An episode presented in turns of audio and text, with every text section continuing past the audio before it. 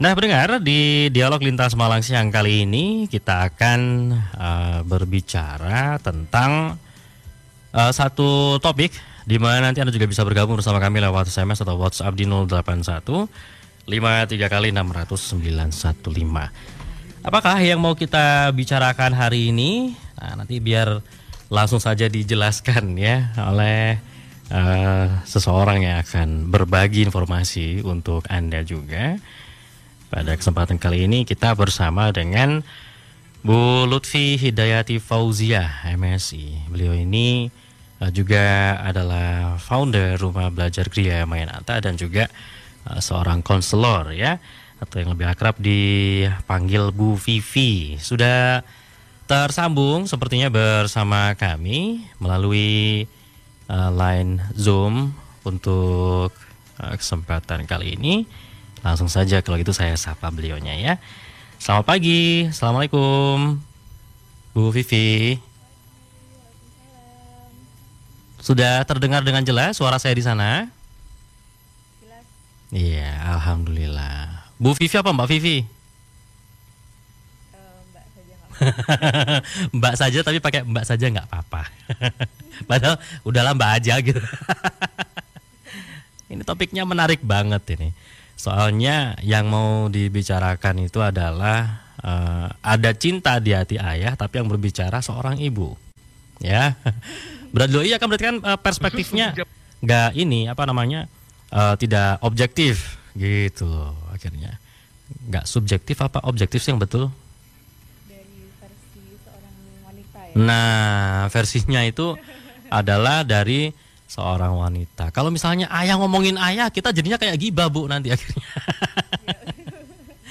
akhirnya nanti saya sama uh, misalnya sama-sama cowok gitu ya, wah uh, tidak akan ini ya, mungkin sudut pandangnya itu uh, kurang ya. Nah berhubung sekarang ini yang berbicara adalah Mbak Vivi, kita bisa tahu dari sudut pandang wanita. Apakah Anda akan bisa menemukan cinta di hati ayah? Gitu loh maksudnya. Oke, mungkin bisa dikasih mukodimah dulu kali ya. Kayak tahu sih aja. Bisa dikasih opening dulu kali ya. Silakan Mbak Vivi. Iya, ini uh, enak sekali ya. Jadi bisa langsung konfirmasi ya ke Mas atau Bapak ini Pak Wisnu gitu. Mas aja nggak apa-apa. ya Mas Wisnu. Uh, ya terima kasih uh, kami ya kami dari uh, Ibu Profesional Malang Raya, Regional Malang Raya juga mengucapkan uh, terima kasih atas kesempatannya sudah diberi kesempatan untuk sharing di sini. Dan ini juga masih memperingati Hari Ayah ya Mas Wisnu ya tanggal 12 kemarin. Oh ada Hari Ayah ya. Saya terharu. Lupa ya. Iya nih makanya kita akhirnya mengulik lagi nih ya uh, hmm. tentang ayah ini ya sosok ayah seperti itu. Hmm, dan uh, bagaimana sih seorang ibu ibu merasakan atau selama ini menjalani sebagai ibu berdampingan dengan sosok ayah seperti itu. Uh, dan kita juga mengucapkan selamat hari ayah kepada seluruh ayah di Indonesia. Terima kasih. Uh, semoga semoga ini bisa menjadi refleksi juga kayak sama dengan hari ibu ya ketika kita diberi kejutan oleh anak oleh keluarga gitu tentang uh, ucapan selamat atau apa pun pasti dalam hati kecil kita oh iya ya ini loh yang sudah kita berikan kepada anak-anak kepada hmm. keluarga oh ini loh yang sudah sudah uh, kita berikan dan inilah kekurangan yang mungkin uh, belum kita berikan atau belum yeah. sepenuhnya uh, kita ungkapkan atau kita wujudkan seperti itu. Jadi apa ya sebagai sama-sama merefleksi gitu ya Mas hmm, ya. Hmm, hmm. Di hari-hari ayah atau hari ibu ini. Kasarnya sama-sama ngaca lah uh, nanti gitu ya. Mas Wisnu, ya. uh, mohon maaf ini sudah berkeluarga? Loh, ya sudah dong. Kelihatannya belum kayaknya. iya. Nah, biasanya itu kan kalau saya sebagai anak, saya sebagai anak perempuan ya, masih mm -hmm. juga Gimana? Oh, kayaknya masih ini ya. Ada sedikit trouble. Oke. Okay. Uh, nanti masih ada ayah gitu juga. Uh, uh, uh. Nah, uh, saya merasakan ayah sosok ayah mengungkapkan perasaan atau mewujudkan ada anak mewujudkan kasih sayang atau mengungkapkan rasa sayang itu kan kadang sedikit aneh atau apa ya kok gini sih rasanya kayak gitu ya jadi Hmm. agak unik agak unik gitu ya Hmm. Eh, kesan romantis tapi cuek-cuek gimana gitu Soalnya ke cowok mbak, jadi kan kayak kayak gimana ya? Em, gimana coba beda. Kita ini adalah makhluk yang berbeda. Kalau wanita mungkin ketika diberikan apa yang berhubungan dengan perasaan, dia akan ngerasa yang so sweet gitu kan. Karena memang ya wanita adalah makhluk perasaan. Tapi karena kita ini mungkin bawaan orang makhluk logika ya, udah fitrahnya begitu. jadi ketika dikasih hal-hal yang berhubungan sama perasaan kita jadi kayak yang apa sih? Nah, betul. Atau itu mungkin malu, yang, ya. eh, yang ini kita mau bahas ya Mas ya. Jadi Hmm. perbedaan laki-laki dan perempuan dari segi penciptaannya. Mm-mm, Jadi dari mm-mm. sananya, dari fitrahnya itu sudah berbeda. Pabriknya udah Nah, beda. itu, eh, apa ya? Yang menjadi masalah itu ketika keunikan, keunikan dari masing-masing itu dianggap menjadi masalah atau tidak dipahami oleh beberapa sisi ya. Ah. Jadi istilahnya menjadi konflik atau menjadi masalah sampai Hmm. eh, naudzubillah sampai perceraian dan sebagainya ya. Nah itu kan Hmm. biasanya dari hal-hal yang kecil yang kok gini sih, kok gini sih, jadinya besar dan sebagainya. Nah itu Oke. Ya, eh, ya, ya, ya. apa itu namanya eh, isu-isu isu-isu yang di Indonesia pun saat ini juga ini ya Mas Yusuf pernah de- eh, sudah dengar belum yang Indonesia mendapati ranking ketiga fatherless country Yes. sedunia ya. Yes. Heeh. Nah itu kan itu kan juga tanda tanya ya. Kita mendapati ranking ketiga sebagai neg- negeri tanpa ayah gitu ya. Negeri Jadi tanpa maksudnya- ayah, Bos. Bayangin negeri tanpa ayah. Enggak, mungkin Iya, itu itu tuh- mereka tuh salah ini. Gara-gara nama di Indonesia ini kan nama negeri ini kan Ibu Pertiwi kan sebutannya kan. Oh, ada- pertanyaannya Bapak Pertiwinya ke mana? Begitu kali ya, kali aja. Iya mungkin gitu juga ya. Jadi apa ya stigmanya jadi seperti itu.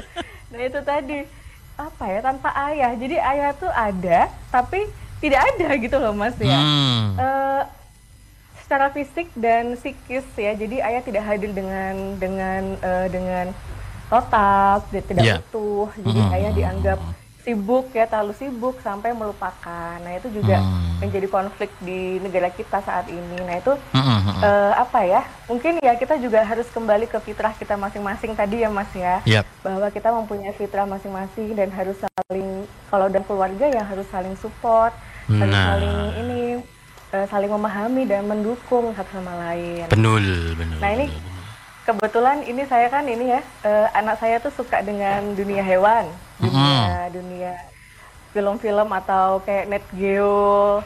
Suami itu biasanya downloadin terus ditaruh di laptop, terus di di apa di di flash disk langsung dimasukkan di TV gitu. Nah Mm-mm, di situ tuh banyak hikmah ya. Jadi kita juga banyak belajar dari hewan-hewan yang memiliki fitrah dari Allah yang unik juga. Hmm. Jadi ada ikan arwana itu ya, Mas ya, ikan Mhm, arwana silver. Itu kan si ibunya betelor, si betina betelor, si bapaknya yang eh, menjaga telur-telur itu di dalam mulutnya selama 8 minggu. Jadi Wih. setelah 8 minggu si arwana itu berpuasa Hmm. demi untuk menjaga anak-anaknya. Bapaknya Sampai Arwana kayak begitu. Kenapa, Mas? Bapaknya Arwana bisa begitu. Iya, bapaknya Wah. Arwana selama 8 minggu itu telur-telurnya masuk dalam mulutnya. Hmm. ketika sudah eh, siap untuk tumbuh eh, besar dan sempurna baru dia membuka mulutnya dan mengeluarkan anaknya. Hmm. Ada juga kuda laut ya. Kuda Hmm. laut juga sang bapak ini diberikan oleh Allah kantung di depan tubuhnya untuk eh, menjaga anaknya sampai dia sempurna. Lalu ada juga banyak ya ada ikan cupang juga. Ikan cupang itu lucu malah ya. Jadi Gimana betinanya tuh? bertelur, Mhm. dia berserakan gitu telurnya Mhm. dan si bapak ini mengambilin satu-satu mengumpulkan telurnya dikumpulkan di satu dedaunan atau apa ya tumbuhan laut apa di air situ dikumpulkan sampai dia menjaga sampai dia menetas nah itu kan fitrah juga Eh, tugas yang diberikan oleh Allah oleh hewan-hewan ini keunikan ini untuk menjaga anak-anaknya. Begitu juga dengan eh, kita bisa membayangkan ketika si hewan-hewan ini menyalahfungsikan atau apa tidak melaksanakan tugas dengan baik ya sesuai Ah. tidak sesuai dengan fitrahnya. Maka apa yang terjadi? Populasi populasi terus ekosistem dan sebagainya akan akan berantakan seperti itu ya hmm. mungkin itu juga bisa kita refleksi ke dalam uh, fitrah manusia bahwa manusia mempunyai tugas-tugas masing-masing uh, right. mempunyai pembawaan masing-masing sehingga hmm. itu bisa uh, berjalan berfungsi sebagaimana baiknya semestinya di dalam muka bumi ini. Iya, itu, itu dia. Kan. yang namanya yang namanya ayat itu kan bukan cuma yang tertulis aja ya, tapi apa yang tercermin di kehidupan sehari-hari bahkan ditunjukkan oleh hewan dan tumbuhan itu sebenarnya adalah hal-hal ayat-ayat yang bisa kita pelajarin juga gitu. Ayat-ayat cinta. Cie. Habisnya judulnya ada cinta di hati. Eh, saya jadi nyocok-nyocokin juga gitu kan akhirnya. Iya, bisa bisa kebayang nggak kalau Bapak Arwana habis apa namanya uh, ibunya bertelur Bapak Arwananya main game gitu kan ya untungnya hewan nggak main game atau dia mungkin lagi nongkrong bareng temen-temennya aduh iya. asik juga ternyata ya mau itu ya uh, Mas itu kalau saya menyuplik atau melihat uh, aspek fitrah ya dari mm -hmm. dari Santosa bahwa kita ada delapan fitrah ya dalam dalam diri kita uh-huh. yang sudah dari sananya diberikan oleh Allah kan ada delapan ya kan yang pertama ada fitrah keimanan uh-huh. bagaimana itu biasanya uh, sensitifnya anak-anak usia 0 sampai 7 tahun ya. Jadi uh-huh. uh, dia itu dikenalkan dengan alam bahwa ini loh alam yang menciptakan adalah Tuhan gitu. Ini loh uh, tumbuhan ini loh hewan uh, dan sebagainya. Lalu ada juga apa namanya fitrah fisik atau fit, fitrah indera di mana kita uh, me, menstimulus semua apa yang sudah awal kepada kita baik badan, uh, tubuh, ya indera kita untuk menikmati berinteraksi langsung dengan apa yang sudah ada di alam semesta ini. Betul. Lalu ada yang ketiga ada fitrah belajar. Nah fitrah belajar ini nggak ada loh Mas Wisnu anak yang nggak suka belajar itu ya sebenarnya. Jadi nggak ada itu sudah fitrah. Mm -mm, mm -mm. fitrah manusia. Jadi tinggal kita sebagai orang tua atau pendamping ya untuk menggairahkan kembali fitrah belajar ini sehingga anak bisa belajar dengan menyenangkan. Hmm. Lalu yang keempat itu ada fitrah estetika atau keindahan ya. Jadi e, manusia itu sejatinya sangat menyukai dengan keindahan, kebersihan, hmm. keteraturan seperti itu dan bahkan di dalam psikologi pun kalau orang-orang yang sudah tidak sensitif dengan kebersihan dirinya bisa bisa dikatakan gangguan kejiwaan ya biasanya kalau kita lihat schizofren atau orang-orang yang gangguan jiwa itu kan di jalanan sudah nggak peduli dengan dirinya mau mandi mau sobek mau apa ya. -uh. itu karena memang fitrahnya fitrahnya manusia adalah uh, menyukai keindahan kebersihan kesucian seperti itu. -uh. nah yang ke lima ada fitrah bakat ya. Ini ada surah al isra ayat 84 kul yang malu ala fit, ala syakilah. Jadi setiap manusia yang hidup itu sesuai dengan pembawaannya atau syakilahnya. Jadi bakat itu diambil dari si dari makna ini jadi syakilah atau pembawaan itu semua manusia itu punya. Jadi tinggal kita mau mengasah atau tidak. Lalu yang keenam ada fitrah perkembangan. Nah perkembangan ini kan memang sejatinya manusia hidup itu sesuai dengan tahapannya ya mas ya. Nggak bisa ujuk-ujuk kita lahir langsung besar gitu kan nggak bisa. Jadi semua ada tahapannya. Uh, di psikologi atau di teori-teori perkembangan psikologi juga sudah dijelaskan. Ada teori Freud ada Erikson ada Piaget dan sebagainya di situ dijelaskan tahapan-tahapannya lalu di hmm. Islam pun juga ada ayat Al-Quran juga yang uh, berisi tentang uh, perintah sholat nah itu kan ada relatif, ada masa prebalik, ada masa balik, ada pos balik dan sebagainya. Jadi memang manusia itu tumbuh dengan prosesnya seperti itu. Iya. Lalu yang ketujuh ada uh, yang ketujuh ada perkemb uh, apa namanya fitrah seks seksualitas ya seksualitas mm -hmm. atau atau gender. Jadi di mana uh, manusia itu tumbuh sesuai dengan gendernya masing-masing yaitu laki-laki dan perempuan. Hmm. Lalu yang kedelapan adalah fitrah individual dan sosial. Jadi manusia itu e, berkembang atau diciptakan oleh Allah itu menjadi sosok individu dan sosial. Sosok individu dan golongan gitu makhluk ya. Dan so, makhluk sosial. Hmm. Jadi bagaimana e, manusia ini bertanggung jawab dengan dirinya gitu ya. Jadi uh -huh. memang memang tidak bisa tidak bisa lepas dari keduanya itu. Nah, di sini uh, kita bisa mengambil hikmah ya dari delapan aspek fitrah ini.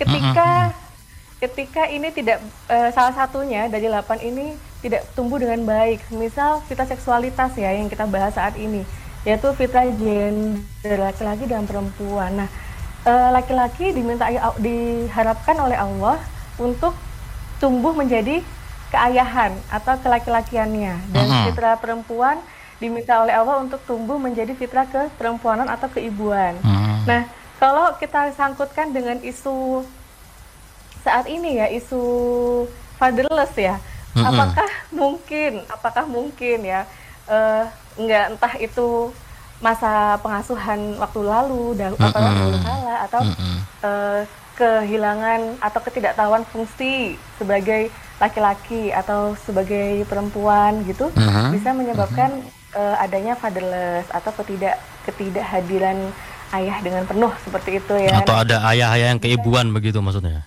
Iya betul. nggak apa-apa, lo nggak apa-apa karena memang isu ini kita juga ikut perangin. Iya kan? Nah, gitu. Iya, betul itu. Apalagi ini Indonesia. Benar. tinggi sekali ini ya. Yes, you're right. Apalagi kita kan lembaga penyiaran publik itu melawan yang seperti itu soalnya. Nggak bisa ada kayak gitu. Nah gitu. itu tadi Mas Wisnu, kalau misalnya kita merasa ada kekurangan dari 8 fitrah ini, mm -hmm. 8, 8 fitrah ini bisa kita uh, bisa kita pahami oh saya kurangnya di sini. Oh ini yang kurang paripurna. Atau anak-anak kita ya yang untuk generasi yeah. oh anak saya nih uh, fitrah belajarnya nih kayaknya kurang inilah. Mari kita nggak ada waktu untuk terlambat tidak ada kata untuk terlambat ya. Jadi masih bisa untuk dibenahi. Jadi sama-sama kita hmm. saling support saling dukung. Baik dari segi apa pun lewat media apa pun untuk uh, apa ya sama-sama memperbaikilah apa yang apa yang kurang di di lingkungan kita seperti itu. Ah, benar. Terlepas dari kalau misalnya memang ada uh, adik-adik kita atau saudara-saudara kita yang memang uh, mungkin harus kehilangan ayahnya karena itu faktor takdir ya, mohon maaf. Uh, kalau memang sudah apa ditakdirkan sama Allah itu mungkin lahirnya ada yang yatim misalnya seperti itu. Uh, ini gak masalah gitu ya, karena memang sudah berdasarkan apa kodok sama kodarnya gitu ya. Tapi kalau uh, sebenarnya ada bapaknya, tapi kemudian kurang peran dari ayahnya di situ. Nah ini baru yang wah tanggung jawabnya bakal dipertanyakan juga nanti. Ya, Hati-hati ya. Jadi kalau, kalau prinsip prinsip apa menumbuhkan fitrah ke seksualitas seksualitas ini ya, mm-hmm. itu memang ada ada empat prinsip ya. Mm-hmm. Yang pertama tuh adalah prinsip yang pertama adalah harus dua-duanya hadir utuh jadi harus hadir utuh. 0 sampai 15 tahun ya. Hmm. Itu yang prinsip pertama. Nah, hmm. prinsip yang kedua itu adalah kalau anak laki-laki jadi maskulinitasnya itu paling tidak 75%, hmm. sedangkan feminitasnya 25%. Jadi tidak menghilangkan keibuannya tetap ada, tapi untuk anak laki-laki lebih ditonjolkan apa ya, lebih ditangguhkan gitu loh ya. Hmm. Uh, untuk untuk uh, kedekatan dengan ayahnya. Gitu. Benar. Dan untuk anak perempuan uh, 75% feminitas dan 25% uh, maskulinitas. Jadi nah. jangan uh, apa ya istilahnya kalau cowok cewek itu ada yang cewek tomboy dan sebagainya. Nah, itu ya itu bisa di ini ya, bisa di maknai kembali lagi apa yang mungkin bisa diperbaiki dan sebagainya karena sejatinya memang anak perempuan lebih dekat dengan ibu gitu ya di usia usia hmm. tahun ke atas tapi di usia uh, untuk anak laki lebih dekat dengan ayah gitu nah hmm. hmm, hmm nanti uh, prinsip selanjutnya jika memang ya itu tadi ya yang dibilang Wisnu ada yang tidak ada ayah ya kehilangan ayah atau kehilangan hmm. ibu itu bisa dicarikan atau di, digantikan dengan sosok dengan sosoknya, dengan sosok yang lain gitu ya, misalnya hmm. pamannya atau kakeknya hmm, hmm. atau hmm. komunitas-komunitas yang mendukung juga bisa Mas Wisnu. Jadi yeah. Iya. uh, kita sama saling dukung ya, saling-saling mendukung ketika ada tetangga atau keluarga yang kehilangan salah satunya kita bisa support dengan uh, peduli atau mewujudkan kasih sayang yang dibutuhkan oleh anak gitu. Hmm, Oke. Okay.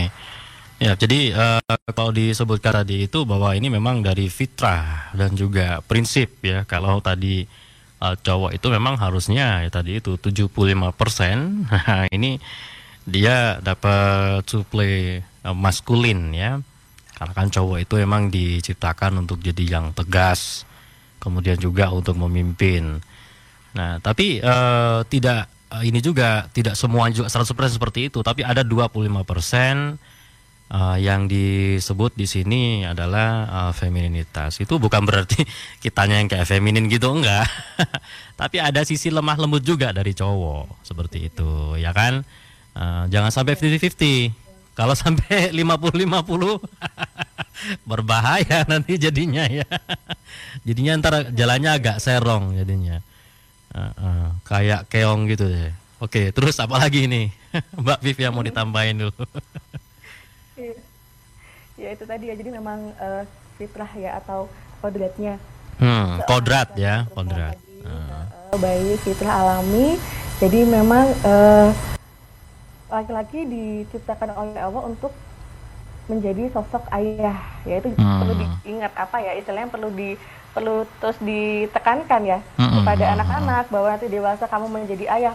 Uh, di luar di luar peran yang akan dia atau uh, ya peran yang dia minati. Misal dia mm -hmm. nanti mau jadi apa? Misalnya jadi dokter gitu ya. Dia tetap dokter, tapi kamu juga tetap menjadi akan menjadi seorang ayah. Nah seperti mm. itu. Nah itu uh, bisa kita perbaiki atau kita bisa terus uh, apa ya istilahnya berikan edukasi seperti itu karena untuk ke depan generasi kita ke depan nanti Mas Wisnu. Jadi nggak ada lagi nih istilah fatherless apa apa jadinya mother, motherless dan sebagainya ya.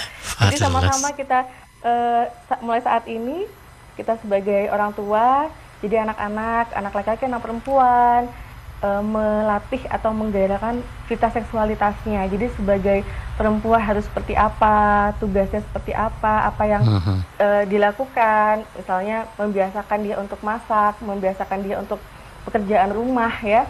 Laki-laki pun sama juga membiasakan pekerjaan rumah, tanggung jawab dan sebagainya. Betul. Karena posisi sosok ayah ini kan memang uh, dia akan mengajarkan tentang ketangguhan ya tangguh hmm, hmm, hmm, kuat kokoh gitu. Jadi nggak bisa kita melepaskan begitu saja sosok ayah dalam kehidupan anak. Uh, walaupun ayah sesibuk-sibuknya gitu ya kayak suami saya pun juga sama pulang beberapa minggu sekali seperti itu. Jadi tetap bagaimana kita uh, mengemas komunikasi yang baik mengemas bonding yang baik uh, agar anak tidak kehilangan sama sekali sosok ayahnya. Sebenarnya itu nggak harus yang harus selalu bersama gitu juga enggak ya. Mm-hmm. Tapi paling enggak tuh ada momen-momen gitu ketika misalnya mau tidur, ayah ayah ya yang do- dongengin misalnya seperti itu mm-hmm. atau uh, ketika ayah jauh paling enggak satu hari itu video call atau bagaimana kan sekarang juga canggih sudah ya alat yes. komunikasi uh, seperti itu. Jadi atau enggak ayah memberikan sebuah perhatian-perhatian kecil, misal mm-hmm. ayah mengirim kalau anaknya sudah dewasa ya, anak remaja, setiap hari paling nggak ayah chat atau WA gitu ke anak-anaknya, bagaimana kabarnya atau sedang apa dan sebagainya gitu. Ya gitulah. Saya juga sebagai uh, anak ya dan ayah saya tuh juga seorang polisi, mm-hmm. jadi memang beda banget ya kalau ayah sama ibu ya. Kalau ibu kan ya perhatiannya seperti itu selalu ada dan sebagainya sedangkan hmm. ayah 12 jam di luar uh, apa lebih banyak di luar daripada di dalam jadi ketika saya merasakan uh, apa ya perhatiannya ayah itu kadang ya simpel misalnya kayak mengantar mengantar kita uh, sekolah gitu mm -hmm. ada kata-kata ada kata-kata yang mungkin merenyuh gitu ya. Jaga diri semangat. Eh kata-katanya simpel gitu ya tapi merenyuh di hati. Itu ibu kan lebih panjang gitu ya. Betul betul. gitu. kalau kalau mami pasti lebih detail ya apa-apa gitu. Mungkin kalau bisa sampai uh, ukuran jalan juga ini dibahas gitu. Ada sampai sampai capek ya anaknya dengerin Benar. satu gitu. Sampai istilah kita lihat jam gitu, udah ibu udah mau telat, stop cukup gitu. sampai kadang begitu. Nah, sekarang begini uh, Mbak Vivi, kalau misalnya dilihat juga dari pengalaman juga, apalagi uh, ayah seorang apa polisi gitu ya, ini sama juga uh, sama halnya yang lain-lain yang anak-anak kolong juga begitu. Uh, ketika tahu bahwa bapaknya ini mungkin ketegasannya akan lebih dari yang lain, um, itu ketika diberikan hal-hal yang uh, simple gitu ya kayak surprise yang kecil-kecil banget itu senangnya gimana sih rasanya pasti happy-nya beda ya karena itu jarang sekali dilakukan kalau saya pikir kayak gitu gimana Mbak Vivi?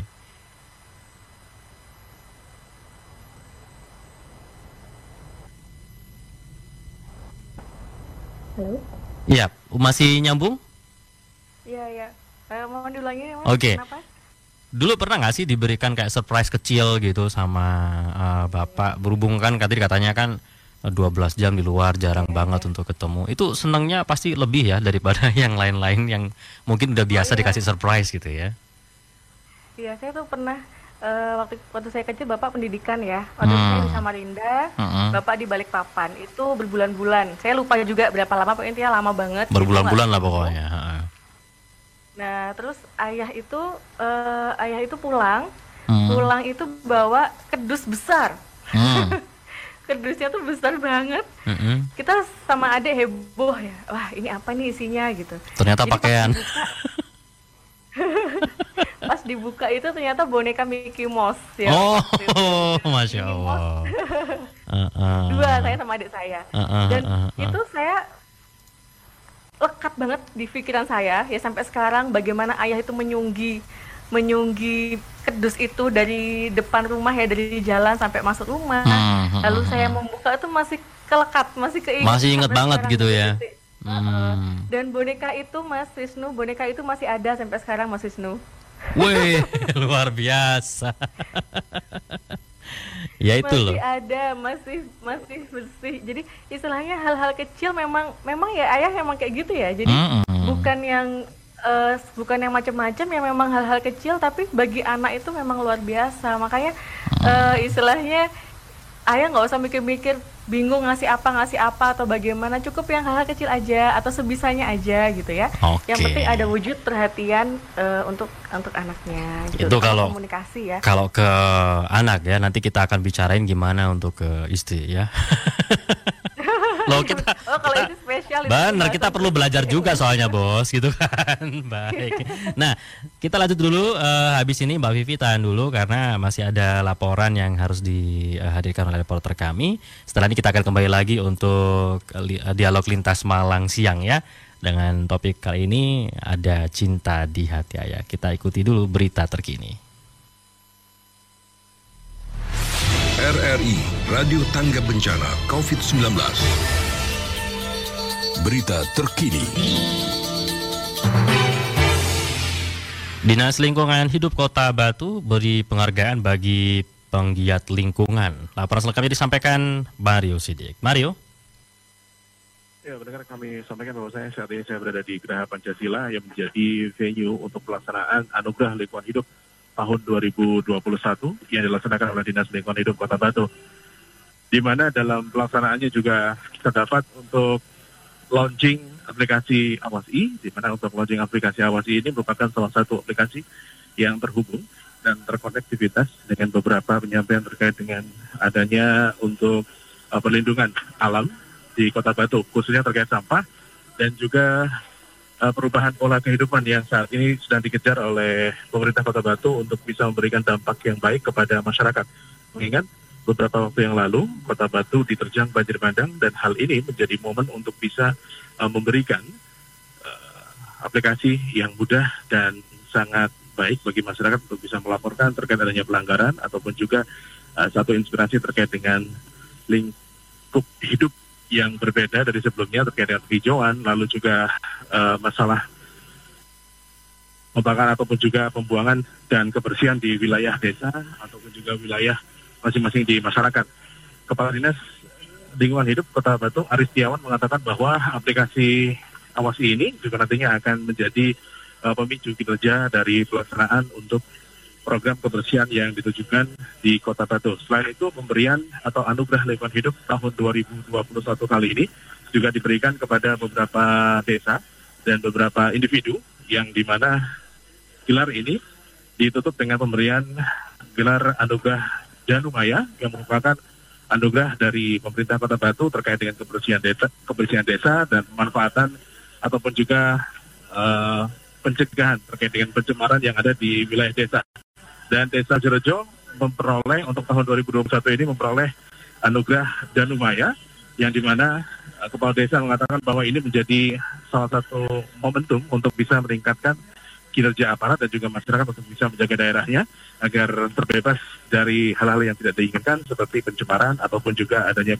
bencana selayaknya bencana yang terjadi di Kota Batu beberapa waktu yang lalu. Mario Sidik melaporkan dari Geraha Pancasila Kota Batu. RRI Radio Tangga Bencana COVID-19.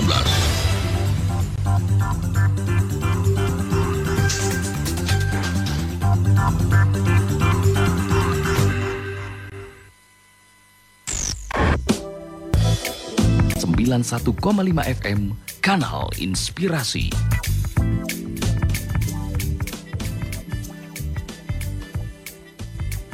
Ya, berada bersama kami di Lintas Malang Siang dan pendengar sebelum kami nanti kembali uh, melanjutkan ya dialog untuk siang hari ini mengenai ada cinta di hati ayah. Um, kami sampaikan dulu informasi yang satu ini untuk Anda untuk mewaspadai penipuan yang mengatasnamakan bea cukai. Jadi kita perlu kenali ciri-cirinya. Yang pertama itu barangnya murah meriah di all shop ya atau media sosial atau lelang abal-abal Terus kemudian Anda akan dihubungi langsung oleh oknum yang mengaku petugas bea cukai. Nah, itu nggak mungkin. yang ketiga, diminta transfer pungutan pajak ke rekening pribadi dengan nominal besar disertai ancaman denda atau kurungan, ya. Itu kuncinya. Rekening pribadi, terus nominalnya juga gede. Di situ ada juga ancaman denda atau kurungan. Nah, kalau mendapati hal tersebut jangan panik, jangan melakukan transfer ke rekening tersebut ya Anda segera saja buat laporan ke kepolisian dan Bea Cukai itu hanya melakukan lelang barang melalui www.lelang.go.id dan untuk mengetahui status barang kiriman luar negeri Anda bisa langsung cek di www.beacukai.go.id slash barang kiriman atau garis miring barang kiriman. Uh, kalau masih bingung langsung saja kunjungi Bea Cukai Malang atau bisa hubungi melalui WhatsApp dengan nomor 0811 3777 876 ya 0811 3777 876 Mari menjadi masyarakat cerdas, waspadai penipuan, bersama Bea Cukai kita bisa. Oke, kami lanjutkan kembali dialog lintas Malang siang kali ini masih tersambung ya Mbak Vivi. Ya, masih nyambung juga. Tadi masih ingat-ingat tuh gimana dulu ketika uh, ayah itu kasih hadiah gitu karena itu luar biasa. Nah, kemudian kalau dari apa uh, treatment ini sekarang ya sebenarnya ketika ke anak atau ke istri gitu ya. Biasanya kan laki-laki itu memang hanya akan memberikan hal-hal yang mungkin dianggapnya itu sepele banget tapi ternyata itu untuk kesannya di mata istri itu wow gitu ya luar biasa. Padahal cuma bantuin nyapu dikit gitu aja. Atau mungkin cuma bantuin apa namanya uh, bener cuma bantuin ngepel gitu ya. Itu kan kita mungkin ya nggak itu biasa gitu ya. Tapi kadang-kadang uh, perempuan ini sampai kita anggap ber uh, apa namanya reaksinya tuh kayak berlebihan gitu. Apa sih padahal cuma gitu doang. Sebenarnya apa sih yang di yang dirasakan atau yang difikirkan ketika hal-hal yang dianggap kecil oleh laki-laki itu itu dilakukan? Iya, karena memang itu mungkin jarang dilakukan ya. Karena jarang dilakukan. Coba kalau tiap hari, bos. kalau sering mungkin udah biasa ya. Coba kalau tiap hari. iya, jadi uh, memang uh, uh. Uh, bagi kita seorang wanita dan uh, mungkin ibu yang lain juga merasakan ya, karena uh, kita juga pernah merasakan ini bapak cuek banget ke anak. Mm -hmm. ngajarin anak cuma misalnya kalau uh, suami saya gitu ya kalau misalnya mm -hmm. lihat mainan sama anak itu ayo ayo buat ayo main ayo cepetan ya gitu-gitu ya pak ya. Mas ya. Jadi kita yang sebagai ibu yang biasanya lembut detil uh, kompleks kayak gitu jadi merasa ini kok cuma nyuruh-nyuruh aja sukanya gitu ya. Ya saya juga begitu. Kalau ngajarin ya udah itu lakukan gitu kan. Padahal ya memang seperti itu uh, ya itu tadi kita kurang memahami ya. Jadi saya pun juga masih belajar untuk memahami uh, hmm. jadi nggak cuma sekedar tahu bahwa oh perempuan sama laki-laki itu beda tapi hmm. kita berusaha untuk benar-benar memahami dan ya memperlakukan semua peran dengan uh, baik. Jadi Hmm. eh, ada perbedaan dari nggak cuma dari segi tadi fitrah tadi mhm. perempuan, tapi di dalam itu luas sekali ya maksudnya Allah. Jadi ada perbedaan fisik ya Mas ya. Ya, Mhm, kita mhm. dan kita dan perempuan laki-laki dan perempuan berbeda. Jadi ada fisik juga berbeda, kekuatannya berbeda, eh, gayanya berbeda dan ada juga otak Mas Wisnu. Mas Wisnu eh, kita pun juga berbeda ya otaknya. Iya, memang. laki. Bener. Bahkan bentuk sama ketebalan tuh ada yang beda di antara kita ya. Heeh. Ah. Eh, ada otak ya kalau otak laki-laki itu itu eh, otak bahasanya kita dengan laki-laki berbeda. Hmm, jadi hmm. ada penelitian dari London mengatakan bahwa eh, cara mengendalikan bicara dan bahasa dalam otak laki-laki dan perempuan itu berbeda. Berbedanya bagaimana? Jadi kalau otak bahasanya laki-laki itu memang eh, dia 2000 sampai 4000 kata. Lalu eh, bunyi vokalnya ya 1000 sampai 2000 kata. Dan gerakan tubuhnya itu 5000 sampai 10000 kata. Nah, ini berbeda berkali-kali lipat dengan perempuan ya. Kalau perempuan Gimana kalau cewek? untuk bahasa perempuan tadi itu 5000, 6000 sampai 6000 sampai 8000 kata ya. Dua kali lipat, Bos. Bunyi vokalnya itu 2000 sampai 3000 kata. Mm-mm. Lalu gerakan tubuhnya ini yang banyak nih, 8.000 sampai 10.000 kata gitu. Masya Allah. Eh, sampai 8.000 10.000 gerakan tubuh. Jadi ya, rata-rata Heeh. Jumlah komunikasi eh, perempuan itu 20.000 kata dan laki-laki itu rata-rata 7.000 kata aja Hmm. perharinya. Jadi memang sangat berbeda sekali. Jadi wajar ya ibu-ibu kalau misalnya Hmm, suaminya hmm, cuma hmm. bilang ayo main, ayo buat kayak gitu ya atau ya aku sayang, ya aku jadi emang kayak terkesan cuek atau terkesan apa memang ya memang seperti itu diciptakan oleh Allah gitu ya. Ya, Lucu ya kalau udah tahu begini ya. Ada maksudnya ya. Jadi memang Hmm. eh, kalau ada dalil itu kan meng- mengatakan bahwa ibu adalah madrasah pertama untuk anak-anaknya. Nah, Betul. maksud Allah memberikan kita kemampuan seperti itu karena untuk mendampingi lebih Hmm. banyak anak-anak kita di rumah dan sedangkan ayah itu memang otaknya dibuat untuk fokus dalam Hmm. satu pekerjaan ya dibuat dibuat konsentrasinya memang agak agak sedikit eh, agak fokus gitu jadi tidak multitasking kalau misalnya ayah satu ya satu Bener. aja pekerjaannya Iya, Mas, ya. Iya dong. Ibu bisa kalau ibu bisa multitasking bisa sambil masak bisa sambil ngomong bisa sambil dalam satu kegiatan satu waktu ya Mm-mm, mm-mm. dengan berbagai macam kegiatan nah itu juga saya juga masih belajar ya mas ya jadi memang harus menurunkan ego harus memahami secara Hmm, utuh mm-mm. peran kita masing-masing sehingga ayah pun juga tidak merasa terdoktrin akhirnya males untuk mendampingi anak males di rumah dimarahin terus sama istrinya Eh, begini salah begitu salah akhirnya jadilah eh, mungkin salah satu faktornya ayah untuk eh, tidak banyak terlibat karena merasa ya itu tadi nggak nyaman dan sebagainya Hmm. Nah, itulah Benar. Itu yang perlu kita tahu juga kalau dibilang tadi ya emang seperti itu. Pertama kali apa the first madarosatun itu ya emak. Mau gimana ya emang emang udah kayak begitu takdirnya ya. Jadi ya tapi jangan lupa juga buat bapak-bapaknya jangan diem aja. Masalahnya kepala sekolahnya ente. nah betul visi misi ada di tangan Bener, bapak ya bener. Jadi kalau misalnya ntar disalahin tuh kan, loh, kan itu anak kenapa jadi begitu? Ya, eh, lah bapak gimana? Loh, bukannya ini apa namanya eh, madrasah pertama itu ibu ya, yang harus tanggung jawab kamu dong. Wah, tinggal dibalik aja, ya kan kepala sekolahnya situ. nah itu tadi jadi butuh memang Begitu. eh, perpaduan keseimbangan ya Benar, benar banget. Makanya itu kan eh, tadi kenapa ada perbedaan kayak tadi itu ya Mbak Vivi ya dikatakan vokalnya kenapa sih kalau cewek kalau cewek itu lebih banyak, kalau cowok kenapa lebih sedikit. Nah, karena itu kita sering mendengarkan nasihat yang panjang banget itu perhatian yang panjang itu dari ibu gitu. Dari Ibu Pertiwi ya. Ini perlu dikasih masukan apa ya? Negara aja diganti. Jangan nanti ada Bapak Pertiwi bahaya. Eh, nah, sekarang gini, kalau untuk peran, untuk peran dalam pengasuhan tuh sebenarnya harus seperti apa berarti Eh, untuk pembagiannya? Kita nggak bilang untuk ayahnya saja ya, eh, untuk ibunya juga. Gimana itu Mbak Vivi?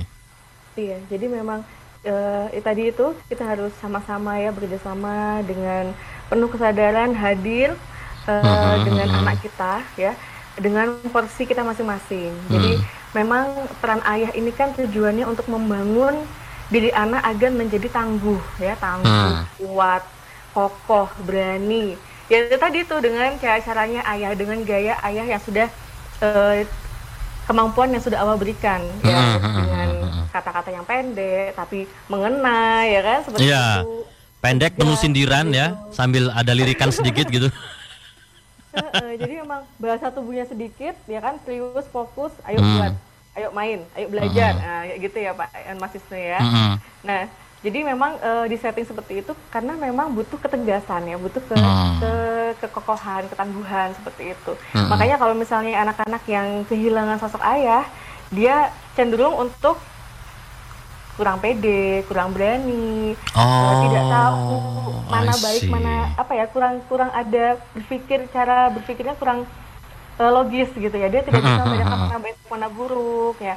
Eh, mohon maaf banyak sekali kayak eh, pergaulan bebas free sex mhm. apa itu kecanduan game dan sebagainya. Kalau kita telisik lagi itu apa eh, kesalahannya? Pasti kembali lagi ke orang tua ya. Orang tua tidak mendampingi orang tua tidak eh, tidak utuh dan sebagainya dan terutama peran ayah. Nah ini eh, hal-hal yang menyangkut moral menyangkut eh, kekuatan kemandirian anak eh, apa itu namanya kesiapan anak. Ya itu tuh memang eh, banyak diajarkan atau dimodelkan di role modelkan kepada ayah gitu. Makanya eh, harus seimbang harus sama-sama hadir. Sedangkan ibu ibu tuh lebih apa? Ibu lebih memberikan kasih sayang kelembutan Hmm. keaturan gitu ya. Jadi eh, lebih lebih detail rutinitas keindahan dan sebagainya tuh memang eh, lebih ke ibu. Empati emosi itu lebih ke ibu. Jadi kalau nggak bisa kita memaksa eh, ayah harus seperti ini ayah seperti nggak bisa. Ini nanti nggak jadi nggak jadi seimbang nggak jadi melengkapi. Jadi memang harus separuh separuh gaya ayah separuh gaya ibu gitu. Jadi Iya. ketika dua-duanya itu sudah sama-sama hadir akan menjadi sesuatu yang komplit gitu ya. Jadi Hmm. fondasi yang sama-sama kuat. Jadi kelembutannya dapat empatinya dapat ketangguhan kekokohan kesiapan semua semua dapat. Bismillah kita sama-sama berdoa untuk diri kita masing-masing dan uh, Betul. semuanya gitu ya Mas ya. Sama-sama ah, belajar dan menyiapkan generasi kita uh, di akan datang akan lebih uh, agar lebih baik lagi gitu. Jadi memang harus seimbang Hmm. keduanya itu Oke. Nah, eh, ini kan yang biasanya tidak akan menjadi apa ya, nggak jadi begitu banyak masalah kalau misalnya seorang ayah ini punya anak yang sejenis kelamin dengan dia. Maksudnya punya anak cowok, ya. Karena biasanya role-nya langsung deh ke bapak begitu. Tapi ketika ayah punya anak cewek, Bu, wah ini tantangannya lebih luar biasa. Dulu pernah nggak godain ayah? Ketika apa masih kecil gitu ya. Godain ayah maksudnya eh, pengen banget ayah eh, pakai seperti ini, pakai seperti Oh, ini iya, iya. gitu. Atau ikut main masak-masakan begitu. Anak cewek biasa begitu, Bu.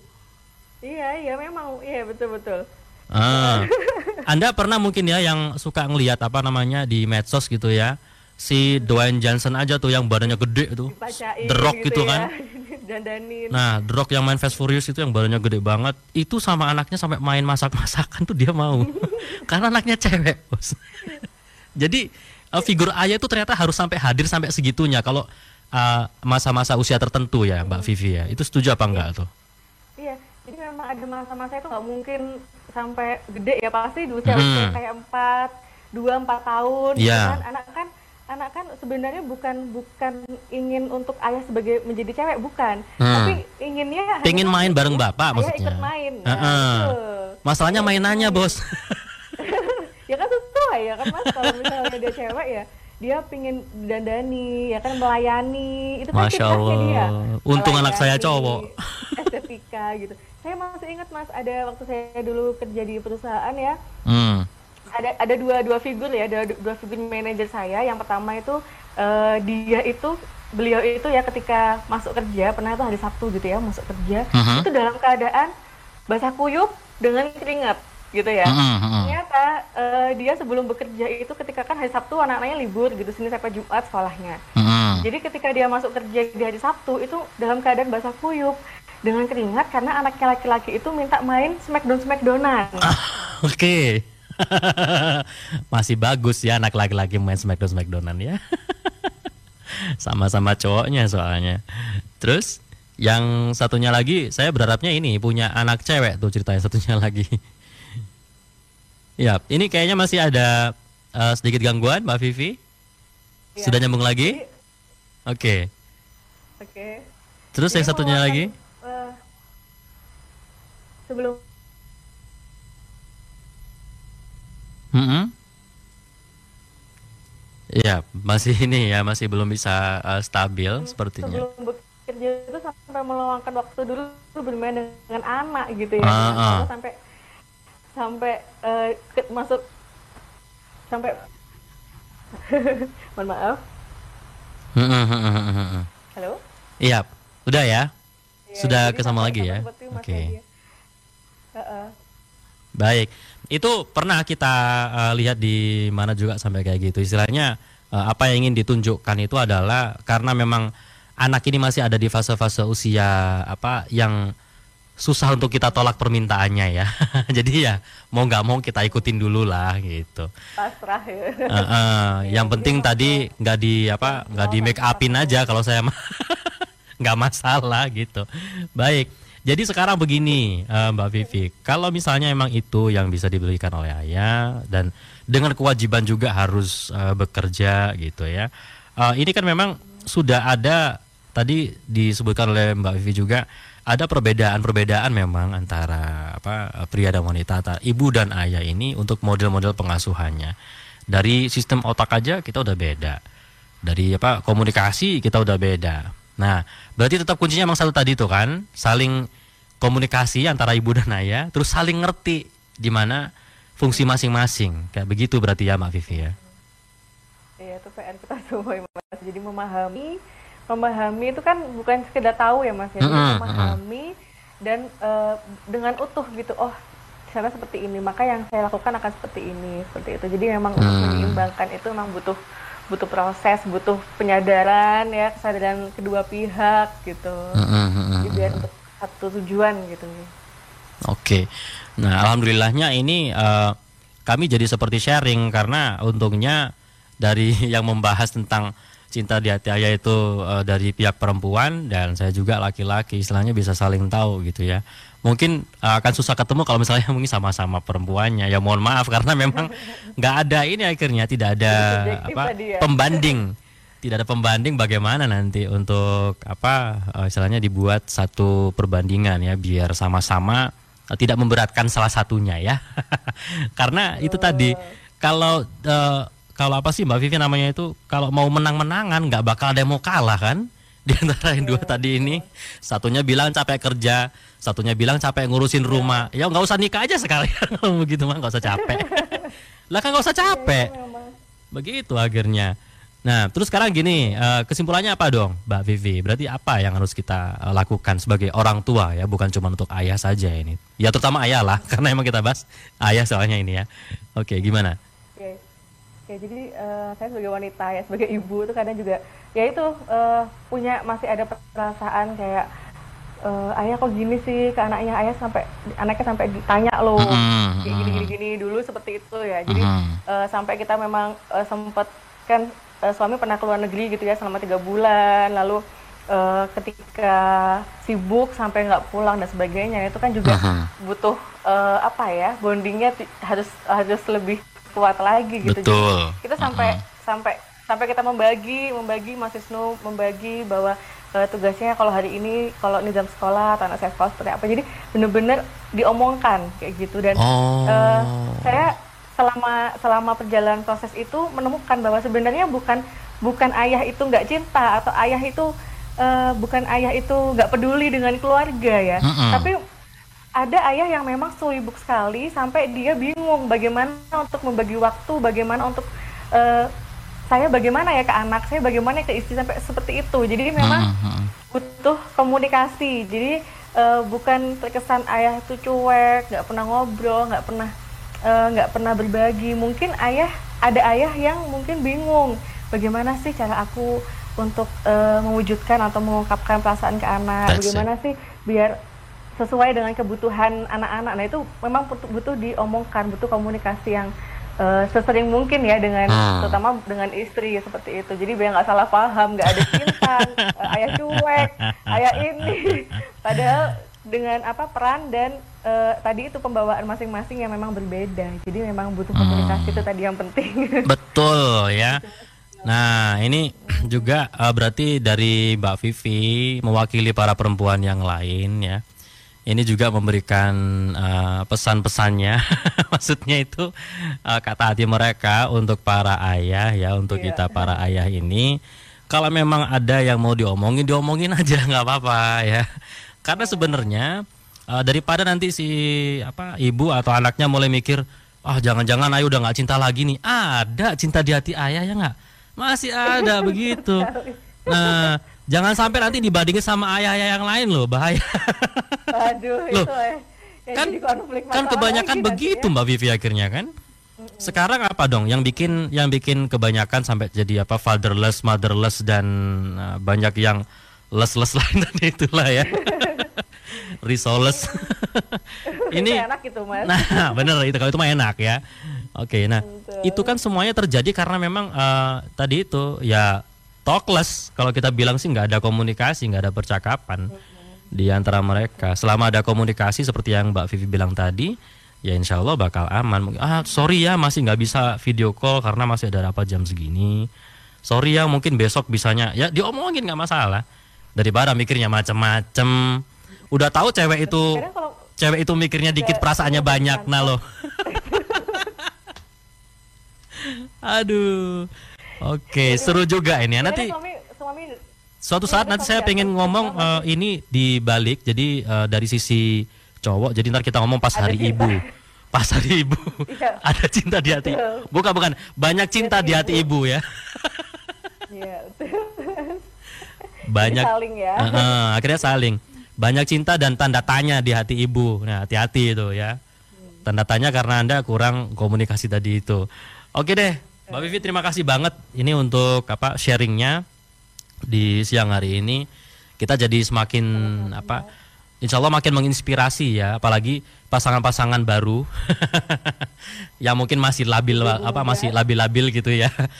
Mudah-mudahan nanti eh, apa anda akan semakin diberkahi dan eh, diberikan istri-istri yang nggak K-pop maksudnya sorry maksudnya yang yang tidak akan membandingkan anda dengan apa-apa yang ada di luar sana gitu ya lo itu hati-hati lo itu bikin ayah cemburu juga itu Iya, Oke. terlalu itu ya. iya dong. Bener, gak boleh kayak begitu ya. Oke, jadi saling memahami lah satu sama lain. Oke, thank you sekali lagi buat eh, Mbak Vivi untuk siang hari ini. Mudah-mudahan bermanfaat Terima dan jaga kesehatan selalu ya. Jika ada salah. Uh, uh. terima kasih. Salam untuk maaf. ayah dan Waalaikumsalam. untuk anak-anak juga. Oke. Terima kasih. Assalamualaikum. Assalamualaikum. Waalaikumsalam. Ya. Lutfi Hidayati Fauzia, MSI. Beliau juga founder Rumah Belajar Gria Main Ata dan juga eh, konselor ya. Jadi yang sudah kita bahas di kesempatan eh, siang hari ini ini berkaitan dengan Hari Ayah ternyata yang saya juga lupa kalau kemarin itu berapa hari yang lalu ini ya ini ada Hari Ayah. Oke deh. Nah, mudah-mudahan eh, bisa bermanfaat